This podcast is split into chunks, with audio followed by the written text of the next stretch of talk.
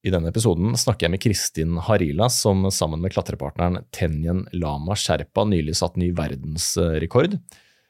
De har altså klatra de 14 høyeste fjellene i verden på ufattelige 92 dager. 7. oktober kom nyheten om at flere fjellklatrere, deriblant Tenjen Lama, var tatt av et snøskred på fjellet Shishapangma i Kina. Eh, Kristin reiste umiddelbart ned til Katmandu for å, for å bistå. Ulykken den tok eh, fire liv. Tenjen Lama var blant eh, de omkomne, og Kristin har vært helt eh, knust etter tapet av sin venn og klatrepartner. Denne episoden blei spilt inn to dager før ulykken skjedde. Her er vi innom en del forskjellig. Vi snakker om hva som, kreves, hva som kreves for å klare å gjennomføre en sånn ufattelig styrkeprøve. Vi snakker om motivasjonen bak, likestillingsprosjektet, grunnen til at Kristin satte seg dette målet i utgangspunktet.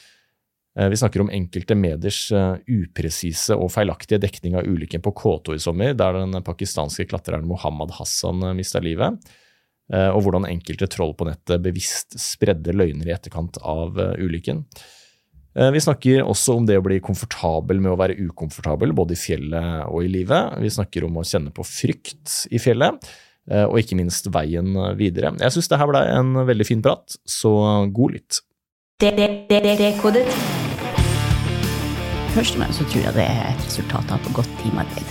Det er et lagspill for å få det her til. Altså, det er ikke noe enmannsshow i det hele tatt. Dekodet. Eh, først av alt, gratulerer med en sinnssyk verdensrekord. Tusen takk. 14 av verdens høyeste topper på tre måneder. Ja, og en dag. På en dag, altså 92 dager. Ja. Det er jo helt sjukt. Ja. Men hvordan kan vi sette det i perspektiv, vi som ikke er fjellklatrere eller har gjort sånne ting? For jeg vet at mm. forrige rekorden det var en som het Nims, en mm. fyr fra Nepal, ja. eh, som gjorde det på seks måneder. Han fikk egen Netflix-dokumentar, mm. og rekorden før han det var syv år. Mm.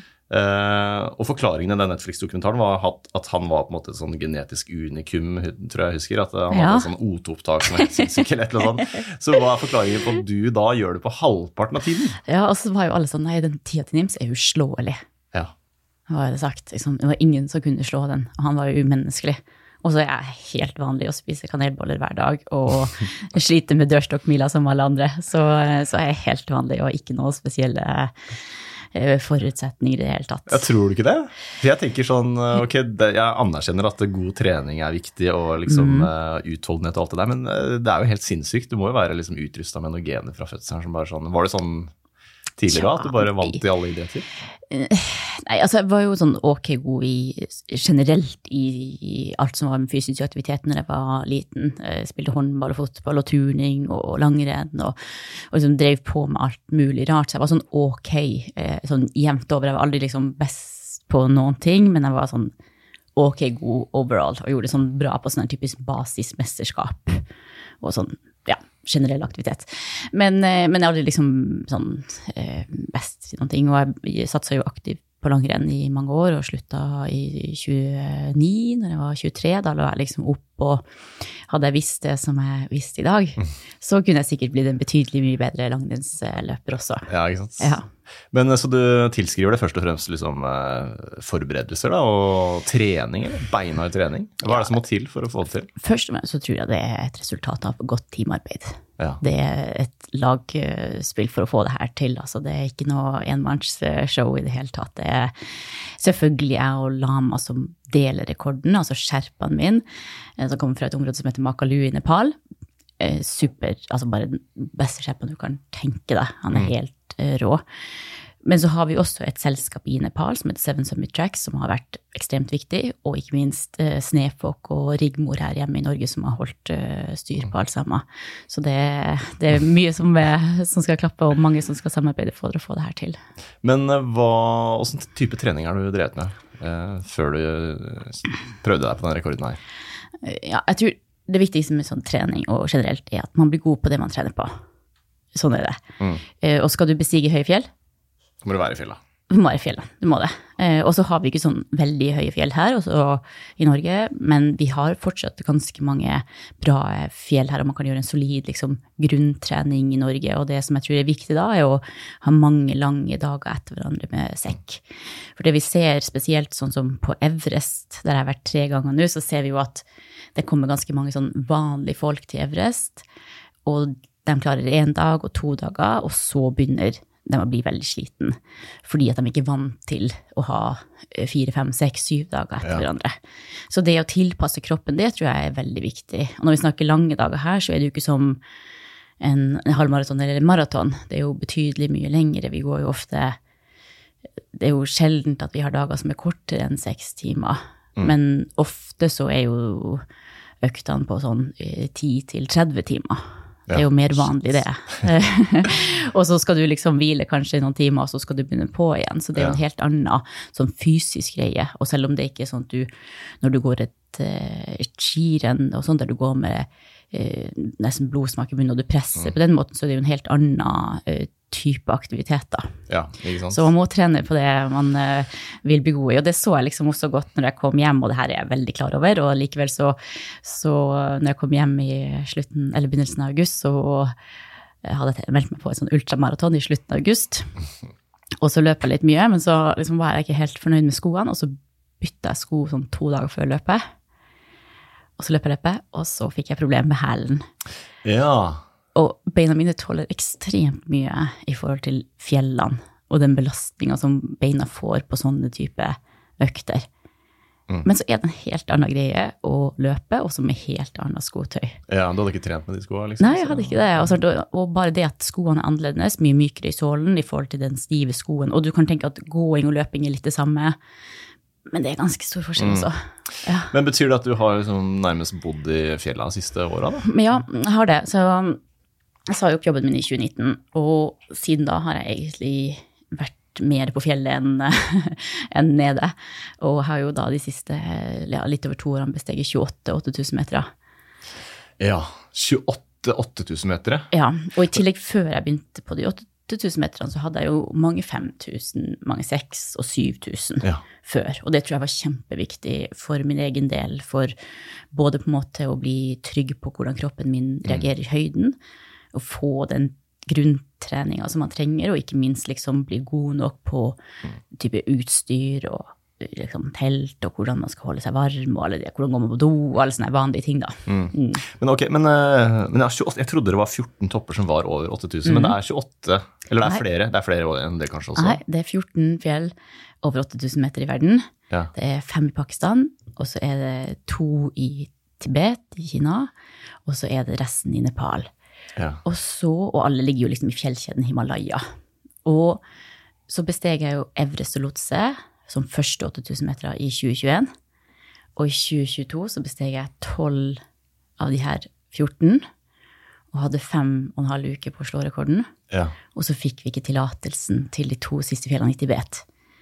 Og når jeg fikk beskjed at vi ikke fikk den, så bestemte jeg meg eh, Eller egentlig, det var helt naturlig. Jeg bestemte meg ikke engang. Det var sånn ok, jeg skal begynne på nytt igjen. Shit. Og så fikk vi heldigvis den tillatelsen, så vi fikk begynt med de to fjellene ja. som jeg mangla, og så de tolv som jeg gjorde i fjor, på nytt igjen. Fy søren. du skulle klare det, du. Ja. Så, og så var det jo litt sånn I fjor sånn, så var vi, hadde vi tolv på uh, nesten fem måneder. Så vi hadde god tid til å ta rekorden.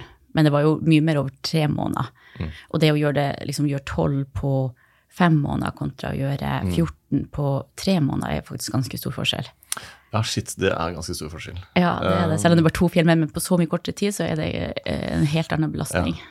Visste du på forhånd at du skulle klare det, eller var det så målretta bestemt at det her, det Ja, jeg var helt sikker på at vi kom til å klare det. Ja. Mm. Men den der driven og den motivasjonen og drivkraften, altså, mm. har du hatt den siden du var liten? så Drømte du som barn om å klatre Mount Everest, eller Nei. har dette kommet i voksen alder? Ja, det har kommet i voksen alder. Jeg, var, liksom, jeg jo fra Øst-Finnmark, og det er helt flatt der. Så jeg er ikke vant til på en måte fjell.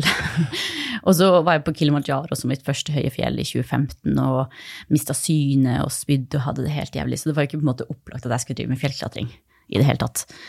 Uh, så jeg reagerer ganske tidlig og ganske mye på høyden.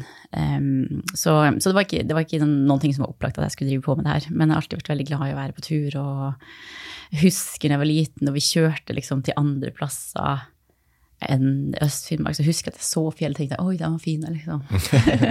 Eksotisk. Det Ja. er noe topper, liksom. Ja. Men, uh, men du har jo hatt en lederjobb også i Skeidar, er det riktig? Mm. Uh, var det sånn her, uh, Var du lei av å jobbe en sånn corporate jobb og tenkte at nå skal jeg endre livet mitt og kjenne på naturen, eller hvordan var den overgangen der, da? Mm. Fordi Randi Skau hadde jo litt sånn samme historie. Hun jobba i en lignende Mm. lederjobb til hun var 40, og så bare nei, nå skal jeg, bli, nå skal jeg klatre Mount Everest, liksom. Ja.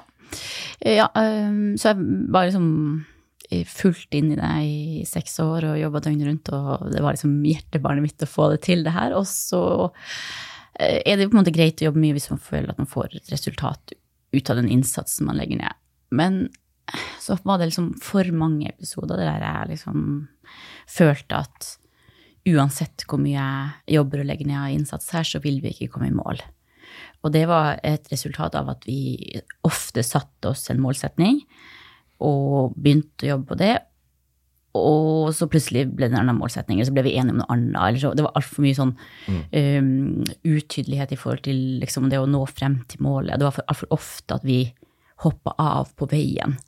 Så til slutt så trodde ikke jeg på det som jeg drev på med mer Nei. jeg følte at det er ikke noe vits å legge ned noe mer innsats her, for uansett hva jeg gjør, så kommer vi ikke i mål. Interessant. Mm.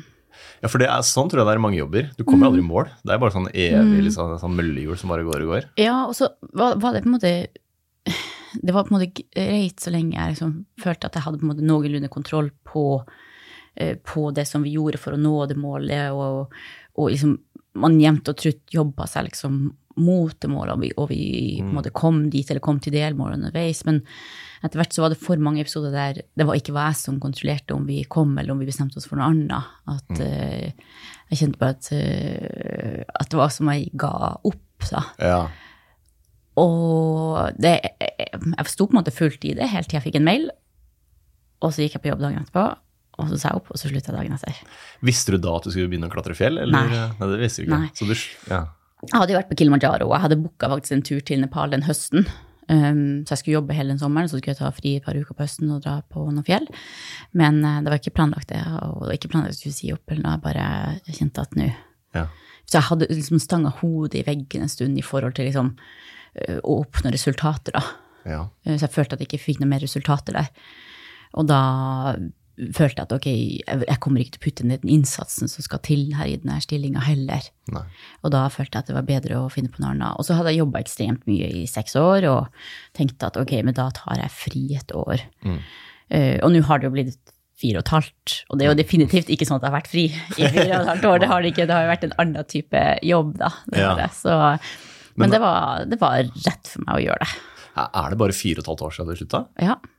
Og på den tida så har du satt den veien Ja. Det er ganske sjukt, egentlig. da. ja Men da gikk det ikke lang tid fra du slutta til du begynte å klatre fjell? eller? Nei, så jeg dro Eller egentlig så sa alle vennene til meg herregud, nå kommer du til å gå på en smell når du liksom stopper opp og kjenner hvor mye du har jobba og hvor sliten du kommer til å bli. Og, men eh, jeg gjorde ikke det. Jeg dro rett ut på tur og var masse på tur i Norge før jeg reiste til Nepal eh, 1.9. og besteg en 6000 meter.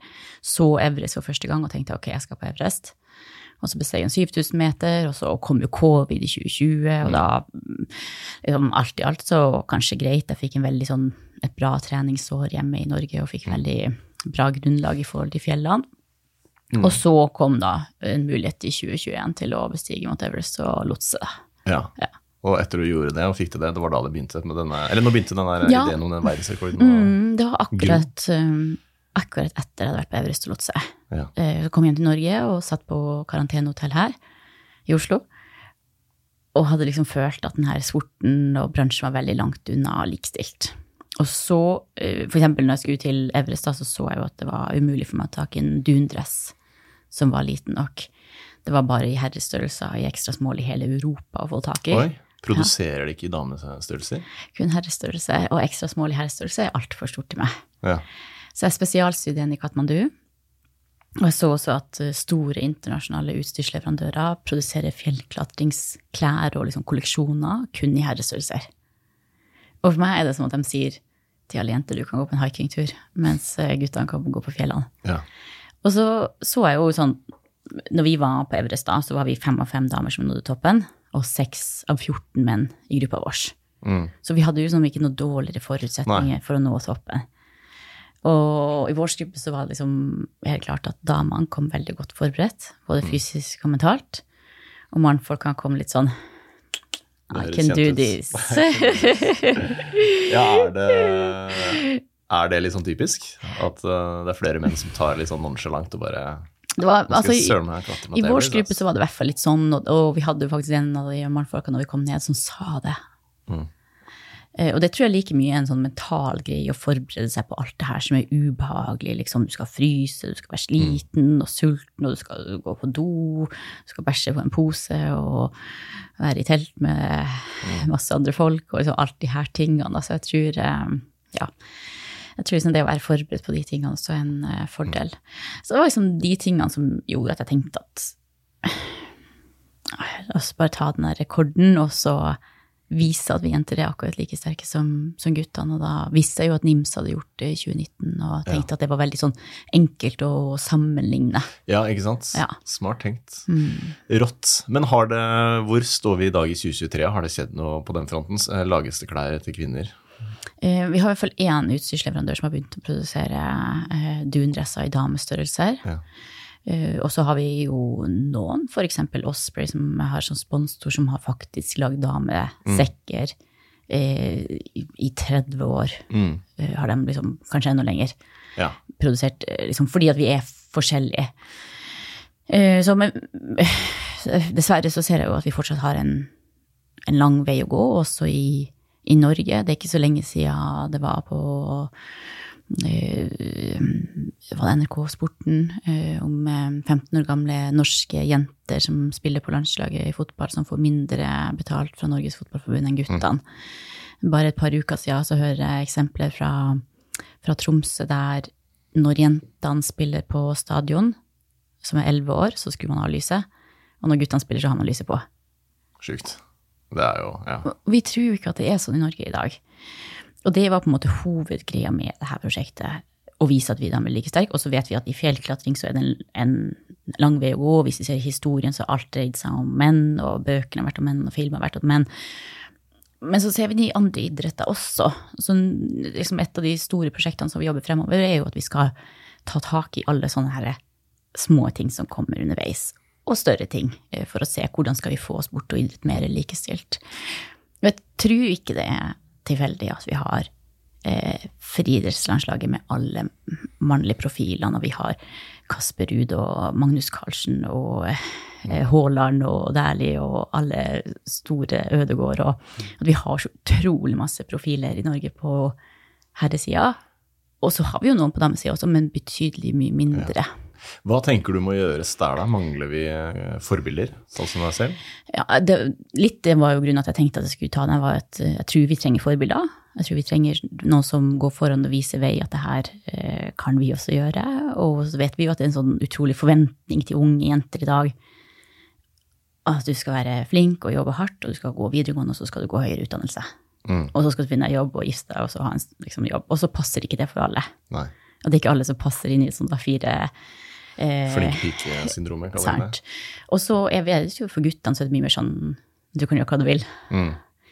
Mm, Ja, så det, her, det er sånn holdningsendring, da. må, som må starte helt fra begynnelsen. ja, jeg tror det, men så tror jeg også at vi må tørre å liksom med, Sånn som de norske utstyrsleverandørene, der ser vi at de sponser 80% menn. Og du kan se på hjemmesida hvem sponser dem. Ja.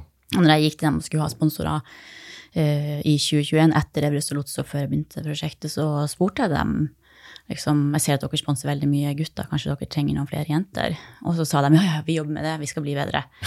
Og, det. ja, og så ser jeg jo fortsatt i dag at det er like Mm. skeiv andel. Og det er jo ikke det at det ikke er jenter som vil gå på tur eller vil gjøre ting. Liksom. Det er noen jenter som vil det. Men jeg tror også at vi må vise støtte til, til dem også, at vi satser på jentene også. Så jeg tror også en del av det her at vi må, vi må booke møte med dem og høre liksom hvor skoen trykker, og hva er utfordringa for at vi skal bli mer Mm. eh, likestilt. Men føler du at du har klart å bruke verdensrekorden til å sette fokus på det her i større grad? da? Eh, eh, jeg håper jo at vi i hvert fall i tida fremover kan jobbe mer med det, og vi kan bruke rekorden til det. Mm. Og vi har jo på en måte i det her vist at vi jenter er akkurat like fysisk liksom, kapabel til å gjøre Ja, det her som, og vel som det. Ja, sant.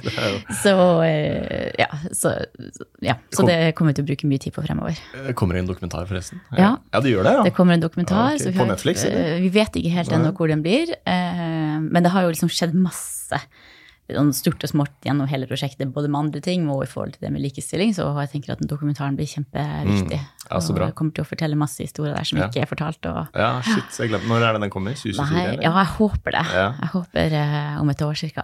Produseres her i Norge, eller? Ja, det er Feel Production som er ansvarlig, så, um, ja, så jeg håper at vi, at vi får det ut på en bra uh, strømmetjeneste. Ja. tøft. Gleder meg.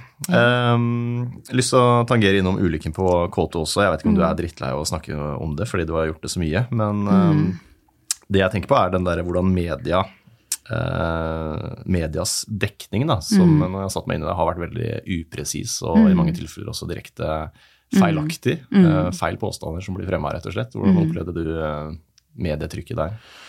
Ja, altså, først og fremst så er det jo en tragisk ulykke på et av verdens farligste fjell. Og så vet vi jo i dag at det er en ulykke som ikke skulle skjedd. Det er en person som omkommer der, som ikke skulle vært der. Vi vet av den etterforskninga som er gjort, at ikke han hadde erfaring med å gå høyere enn basecamp. Vi stussa jo på det når vi først eh, ser at han henger opp ned i tauet, så stusser vi på på hans erfaring, fordi vi ser at klatresela er ikke ordentlig festa. Eh, Han hang i en sånn unaturlig posisjon. Vi ser at han ikke har dundress på seg, ikke hansker, ikke oksygen. Han var opplagt ikke forberedt på å bestige et av verdens farligste fjell. Så, eh, så det er liksom mange sånne ting som Det skulle ikke skjedd. Det skulle det ikke. Og så er det jo en annen side her som er liksom hvordan har media eh, dekka saken, og hvordan har det kommet ut i, i verdensbildet, der det kommer en, en, em, en fremstilling som er, er direkte feil, og at media hiver seg på det uten å ville faktisk sjekke fakta, som er ganske skremmende. Både norske og utenlandske medier. Ja, det har jo dessverre vært det. Og så har jeg jo opplevd at norske medier i, i bunn og grunn på en måte er interessert i å øh, få den reelle historien, og de vil liksom prate og høre hva er det egentlig som har skjedd. Så de er egentlig opptatt av det. Men vi ser også på den andre sida at eh, ofte så blir ting publisert veldig raskt på nettsidene, eller på nettsidene til avisene, for, sannsynligvis for å få historien fort ut og få raske klikk, og fordi man ser at det er ute én plass, så kommer det ut på alle plassene sånn på rekke og rad. Og så ringer de til meg og spør hva er Ja, det og så ringer de til deg, ja. ja. ja det er jo, men det er jo en del aviser i Norge som har det som forretningsmodell, da. Mm. Det med clickbait og um, raske penger. ja, og det, det, det tror jeg på en måte vi har sett veldig tydelig, eh, og det en skremmer meg ganske mye også, fordi at hvor ofte er det ikke at vi scroller, og så ser vi overskriftene, Mm. og så er det helt feil. Ja, og det er gjerne også bevisst, ikke sant. Eh, Ja. Clickbait, lokkemat. Sant, det gjør jo det, og, og em, så jeg skjønner at ting går veldig fort her, òg, men så er det, er det viktigere at ting skal gå veldig fort, enn at vi faktisk skal få den rette informasjonen. Ja. Og det er kanskje det er ikke så farlig hvis det er noen sånne uskyldige kjendisnyheter, på en måte, men når det er et sensitivt eh, tema som det her, da, så, så må det jo faktisk dekkes uh, grundig. Ja. Det var jo den ene videoen um, som bare varer i sånn eh, jeg vet ikke, 10-15 sekunder, Mm. eh, hvor det ble fremstilt som at du er en del av de da, som går over der, og du, du var ikke til stede engang. eh, Nei. Der. Og det er jo eh, veldig, veldig eh, Ja. skremmende at media på en måte hiver seg på det. Og her vet vi jo i dag at denne videoen er delt av noen som har helt andre intensjoner. Mm. Og dem som deler den og markerer rundt en ring rundt en person og sier 'her går Kristin over', de vet at ikke det er meg. Ja, tenk deg det. Det er Og så sånn likevel så gjør de det. er jo det, og det her har jo da kommet ut uh, i en sånn dokumentar som de har lagd, som i utgangspunktet handler om uh, meg mer enn noe annet, uten at jeg har deltatt. Og ja, skremmende å se at de Mm. kan få et sånt uh, oppmerksomhet i media. Og det er jo det de på en måte har ønska med å gjøre det. For de har jo ønska å skape kontroverser eh, ut av en historie som ikke er sant. Og at media på en måte så raskt hiver seg ja. biter på det, er jo ganske Det er skuffende, egentlig. Ja, og syns det er på en måte skremmende også, for vi har jo på en måte, på en måte både sett det og opplevd det, og har måttet ta konsekvensene av det. Altså, jeg vet ikke hvor mange, men sikkert 200, aner ikke hvor mange, jeg bare gjetter et tall, 200 trusler om vold eller om at noen skal komme og drepe oss. Mm. Det er jo ganske absurd.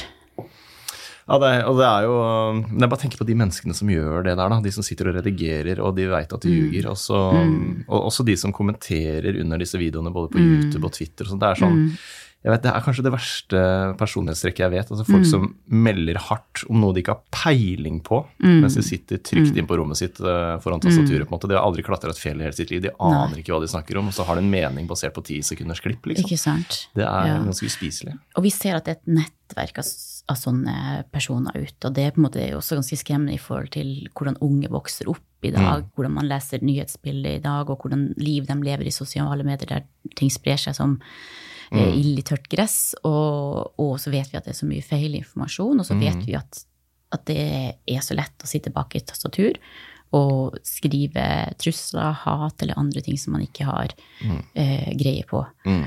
Og vi ser jo det i sånn, med de her eh, de hattingene som vi har fått, og sånn, så ser vi jo at det er veldig eh, masse falske profiler. Det er Ja. veldig mye som ikke har peiling på Mm. hva de prater om.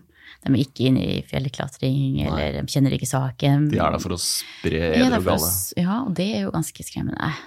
Jeg tenker jo litt sånn eh, Mange av de i hvert fall tror jeg kanskje ikke har det så bra med seg selv. da. At det er på en måte, Hvis du er liksom jorda og godt forankret i deg selv og trygg på deg selv, så sitter du ikke og spyr ut dritt Nei. på internett bare for å få andre til å føle seg dritt. Nei, og det, det er veldig, veldig spesielt. Og Ja. vi, vi ser jo at det her, eh, den haten som kommer, er også sånn fra hele verden. Så Ja. Og så Ja, vet vi jo at sosiale medier følger algoritmer og Ja? Så det blir forsterka. Ja, Men en, man kan liksom ikke styre hva folk snakker om rundt middagsbordet eller kommentarfeltet, sånn, men at Nei. Mm. mediene da ikke gjør en grundigere jobb med å liksom gjøre en ordentlig bakgrunnssjekk, det er skuffende. da. Men er, er det noen medier som var bedre enn andre? Det Ja da, det, det er det. Og, og veldig mange av dem har jo på en måte ønska å gjøre dybdeintervju, altså type NRK og alle de her store norske seriøse har jo på en måte ønska å få min side av saken Mm. også. Det er bare at man først har Ja, virka som at det så, så jo over alle landets medier at jeg var frikjent. ja, ja, ikke sant? Du var jo aldri i det hele tatt eh, Aldri mistenkt. sikta, mistenkt, eller aldri under noe etterforskning. Hvem er det som brukte det ordet frikjent? Det er jo helt sykt. Nei, å- altså vi, vi tror at det kommer fra en sånn eh, Google Translate-oversettelse Ja, av en ja, utenlandsk eh, Og den her utenlandske artikkel som hadde skrevet det, eh, kom fra en person, det var en anonym person som ville være anonym, som hadde uttalt seg til en avis. Og så Mm. Ja. har det blitt oversatt til frikjent. Jeg blir så jævlig provosert på dine vegne. Eh, Ja. Men, Ja. eh, men du har jo fått skrevet en ganske sånn, eh, et fint blogginnlegg om, ja. om din side av saken, og hva som faktisk skjedde. Og det kan jo folk lese Ja. for å få Ja, og sånn, i denne liksom, situasjonen så har jo vi som var der, vi vet jo hva som skjedde der den natta, og vi vet at vi har nok av både bilder og film, og vi har GPS-check, og vi har masse vitner, for vi var jo ikke alene der, sant? så vi, vi vet at vi gjorde det vi kunne for å redde han den dagen, og at vi og mange andre risikerte livene for å redde han. Så vi har på en måte vært liksom trygge i det, og liksom sikre på det, og sikre på at vi skal fortelle historien vår. Det har jeg vært også sikker på. Ja. Så bra. Um, jo, det jeg skulle spørre om, Ja. det var um, Det du driver med, er jo, um, det er jo livsfarlig. ikke sant? Du snakker om dødssone på 8000 meter og sånne ting. Men er det, er det noe klatremiljøet som helhet kan jobbe med å gjøre bedre for å redusere risikoen for at uh, så mange dør oppe i fjellet? Og så har jeg vært på 28-8000 meter, og det har gått bra med meg og alle i vårt team på alle fjellene. Og jeg tror ikke det er tilfeldig. Og så vet vi jo at noen av disse ulykkene er Det skjer. Det, det er umulig å unngå. Eksempel når vi har en nordmann som omkom på Gåto i 28, Rolf Ba, så går han i det bottleneck akkurat der som vi sto under ulykka. Var det han mannen til Cecilie Skog? Ja, og så blir han truffet av is som kommer ned. Og akkurat sånne ting, det, det er liksom veldig vanskelig å, å styre. Og så vet vi jo at det å være rask over det partiet er veldig viktig, sånn at du er der kortest mulig tid. Men noen ulykker er uunngåelig, og det, det, skjer. Ulykker skjer. På fjellet og i trafikken og, og, ellers i livet. Men så vet vi også veldig mye om de ulykkene, at det er ganske mye vi kan gjøre for å redusere de risikoene som er der. F.eks. det at man har erfaringer og har rett utstyr. Og det vet vi at han mm. ikke hadde. Så jeg tenker liksom at vi må Så lenge fjellene er der, så kommer folk til å bestige dem. Mm. Så vi må finne tryggere måter å gjøre det på i fremtida, så vi unngår sånne her type ulykker ja. som ikke burde skje. Det burde ikke skjedd. Kan man innføre så strenge reguleringer eh, som sier at det er ikke lov til å klatre opp på det fjellet her hvis du ikke har så så mye trening og du har det og det utstyret? på en måte? Eller blir det for inngripende? Altså, jo... Nei, jeg mener at vi må gjøre det. Ja, For det kan jo gå utover andres liv og helse ja, for, tenk, tenk den situasjonen hvis vi tenker f.eks. Everest, som er et sånn fjell som mange ønsker å bestige, og som jeg har full forståelse for at det er mange som ønsker å bestige det. Fordi det er verdens høyeste fjell. Og det, sånn kommer det til å være. Og da kommer det også ganske mange sånne vanlige folk som ikke er profesjonelle fjellkastere dit. Og det, sånn er det. Og jeg har vært her tre ganger. Og to av gangene har jeg vært helt alene på toppen. Og har jo hatt litt kø noen ganger, men aldri vært et problem. Og det som jeg opplever da, er at folk tar hensyn til hverandre, og folk slipper hverandre forbi, og at det her flyter ganske bra. Men så har vi jo enkelte episoder og enkelte år der det ikke gjør det. Og det som vi kan tenke, f.eks. hvis du ser for deg en person som har trent i masse år, besteget 6000, 5000, 7000, masse fjelltopper. Han er godt trent, han har spart og betaler 700 000 til f.eks. Madison Mountaineering, seriøst selskap med godt utdanna guider og veldig sterke sherpaer Eh, som er godt trent og har eh, erfaringer og utstyret. Og så skal han til Mount Everest. Og så kommer en annen person som lander på flyplassen i Lukla. Og så går trekkinga inn til Everest Base Camp. Og kommer dit, og så ser han Mount Everest og tenker hm, det var fint å bestige. Og så kommer han i kontakt med et russisk selskap der som sier ja, kanskje du vil være med oss? Vi går opp i morgen. Du kan betale 300 000. Og så sier han ja, 300 000, det har jeg, så det gjør jeg. Og så kommer han opp til 8000 meter og havner i trøbbel. Han har ikke erfaringer, mm. han har ikke utstyr. Han har også en skjerpa som ikke har erfaring, og heller ikke har utstyret. Og så kommer han andre som har spart i årevis og trent og har en seriøst selskap bak seg, og en skjerpa som er Og de risikerer livet sitt for å redde han andre. Mm. Og det kan skje i dag. Mm. Og det bør ikke skje. Så der bør man inn og regulere noen ting. Ja, så da må selskapene ta større ansvar, da? Eller det må være noen reguleringer som gjør at selskapene ikke får lov til å Ja, og så vet vi jo at sånn, hvis du skal bestige de fjellene, så trenger du en sånn permit, mm. en sånn tillatelse fra myndighetene både i, i, Tibet og i Pakistan og Nepal. Så nå skal vi faktisk om et par uker ned til Nepal og i møte med myndighetene der for å se om vi kan få mm. på plass et regelverk som regulerer det her litt bedre. Ja, Så bra. Så, um, har du trua på at det kommer til å endre seg? Da? Ja, jeg tror på at vi må gjøre det. Altså, jeg syns ikke at vi har eh, liksom, liv å miste på den måten, mm. som er unødvendig. Men jeg syns jo også en annen side av det her aspektet er jo at sånn som Nepal er et ekstremt fattig land. De lever i all hovedsak av jordbruk og turisme til fjellene. De trenger ja. at vi kommer. Ja. Og de trenger at at det blir gjort på en god og trygg måte. Mm. Så, um, ja, ikke sant? Det kompliserer saken litt, da. Ikke sant? Ja, det gjør det. Så, ja. Men jeg er helt sikker på at det er mulig å, å gjøre ting for å redusere risikoen, for at det skal bli tryggere. Og mm. jeg tror jo personlig også, for min del, så er det jo noen ting som har vært viktig, og det er liksom eksempel å være mentalt og fysisk forberedt. Og veldig viktig, ha en bra skjerpa, et bra team. Det er liksom helt avgjørende. Mm. Ja. Um, du blir ikke redd, tror jeg du sa på Lindmo. Mm. Blir ikke redd. Altså Gjelder det alt i livet, eller er det på toppen av 8000 meter fjell ja, at du er Nei, generelt så er jeg ikke så veldig redd. Nei? Det er jeg ikke. Eh, jeg tror utgangspunktet er at jeg er ikke så redd for å dø. Ja. Altså, vi skal alle dø en dag. Vi vet ikke om den dagen er om veldig lenge, eller om det er i morgen. Så vi må leve og være i live og gjøre det vi har lyst til nå. For vi vet ikke hvor lang tid de har her. Og da er det på en måte mye viktigere for meg å å leve og gjøre det som man har lyst til å gjøre, enn å tenke at kanskje dør man i morgen. Men når du da står i fjellveggen med en isøks, og det er liksom 1000 meter ned, eh, ikke noe økning av puls, ingenting, det er bare Nei. sånn du er i fokus. Ja, jeg kjenner ingenting i forhold til høyden. Det hører jeg ikke. At det er bratt ned, eksempel, kjenner jeg ingenting. Men vi ser jo at det her er veldig store individuelle forskjeller. Ja. Og det tenker jeg også i forhold til ulykker på K2. Eh, når vi står i den situasjonen, så ser vi at mennesker reagerer forskjellig. Mm. Og sånn er det. Sånn vil mennesker reagere Ja. forskjellig i ulykker eh, i lavlandet også, der vi ser at noen trekker seg vekk, noen stivner, og noen eh, er det naturlig å reagere og gjøre ting. Ja, ja. Så, så sånn er vi bare skrudd forskjellig, og det ja.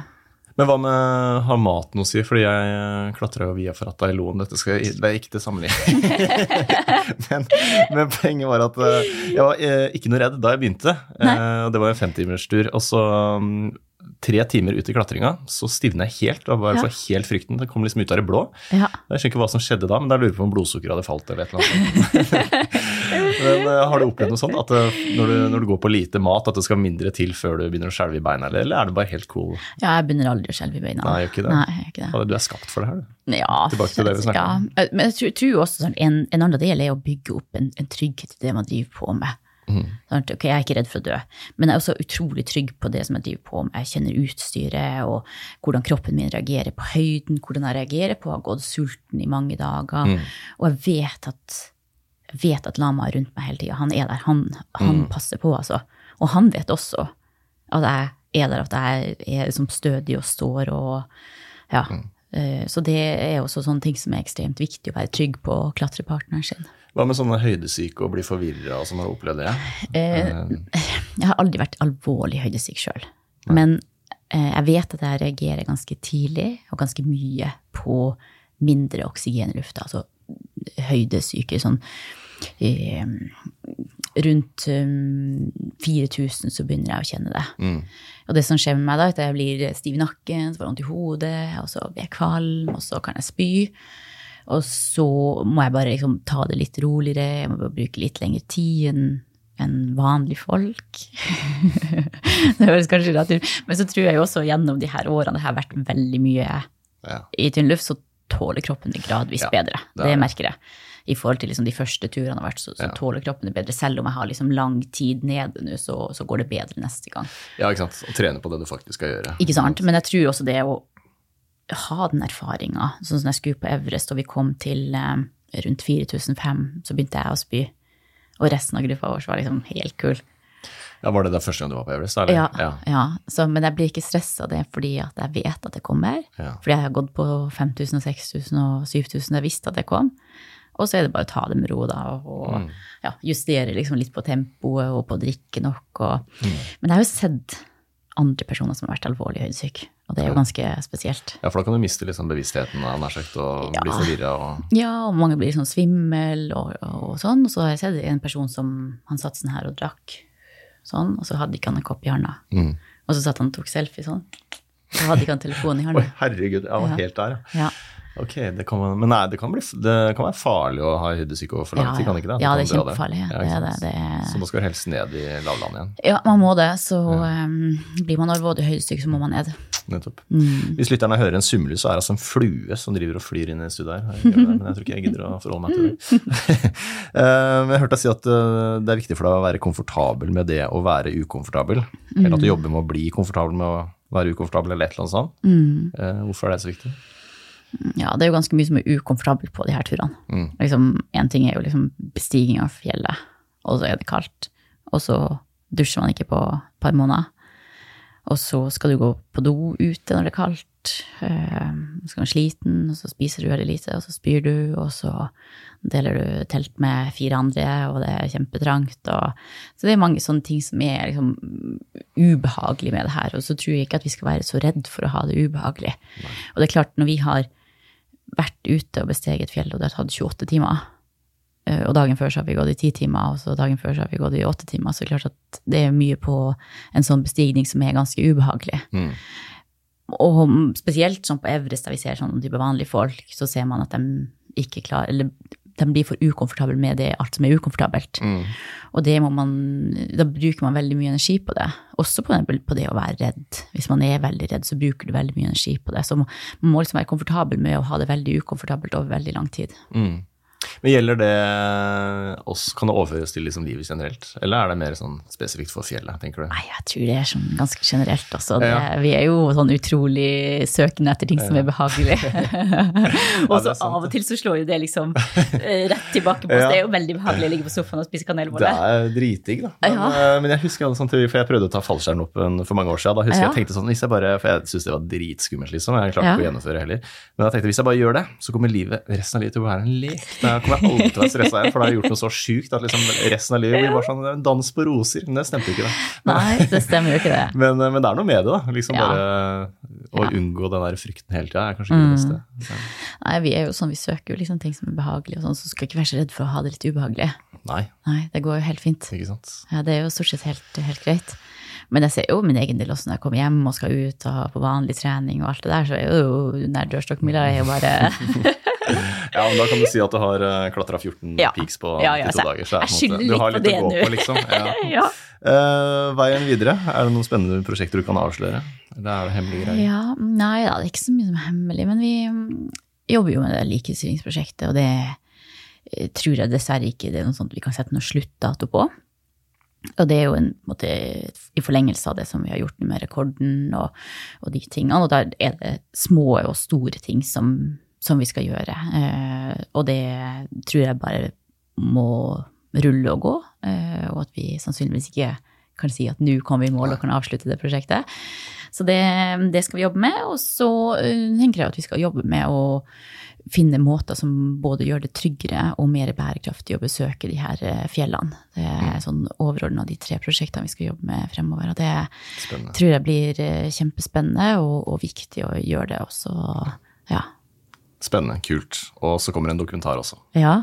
Og en bok. Og, Og en bok også. Ja, ja, så ok. det er du det bra. ferdigskrevet, eller Eh, er det Nei, in the making? det er in the making. Eller vi har ikke begynt ordentlig, men vi har begynt å um, ja, tenke på det. Så det skal vi um, ta tak i om ikke så veldig lenge. skal vi begynne med det. Shit, Ja. spennende. Så det blir bra. Eh, Kristin Harilla, du er på sosiale medier. Jeg følger deg i hvert fall på Insta. Ja. Og så har hun hjemmeside. Ja. Kristinharilla.com eller ennå. Ja.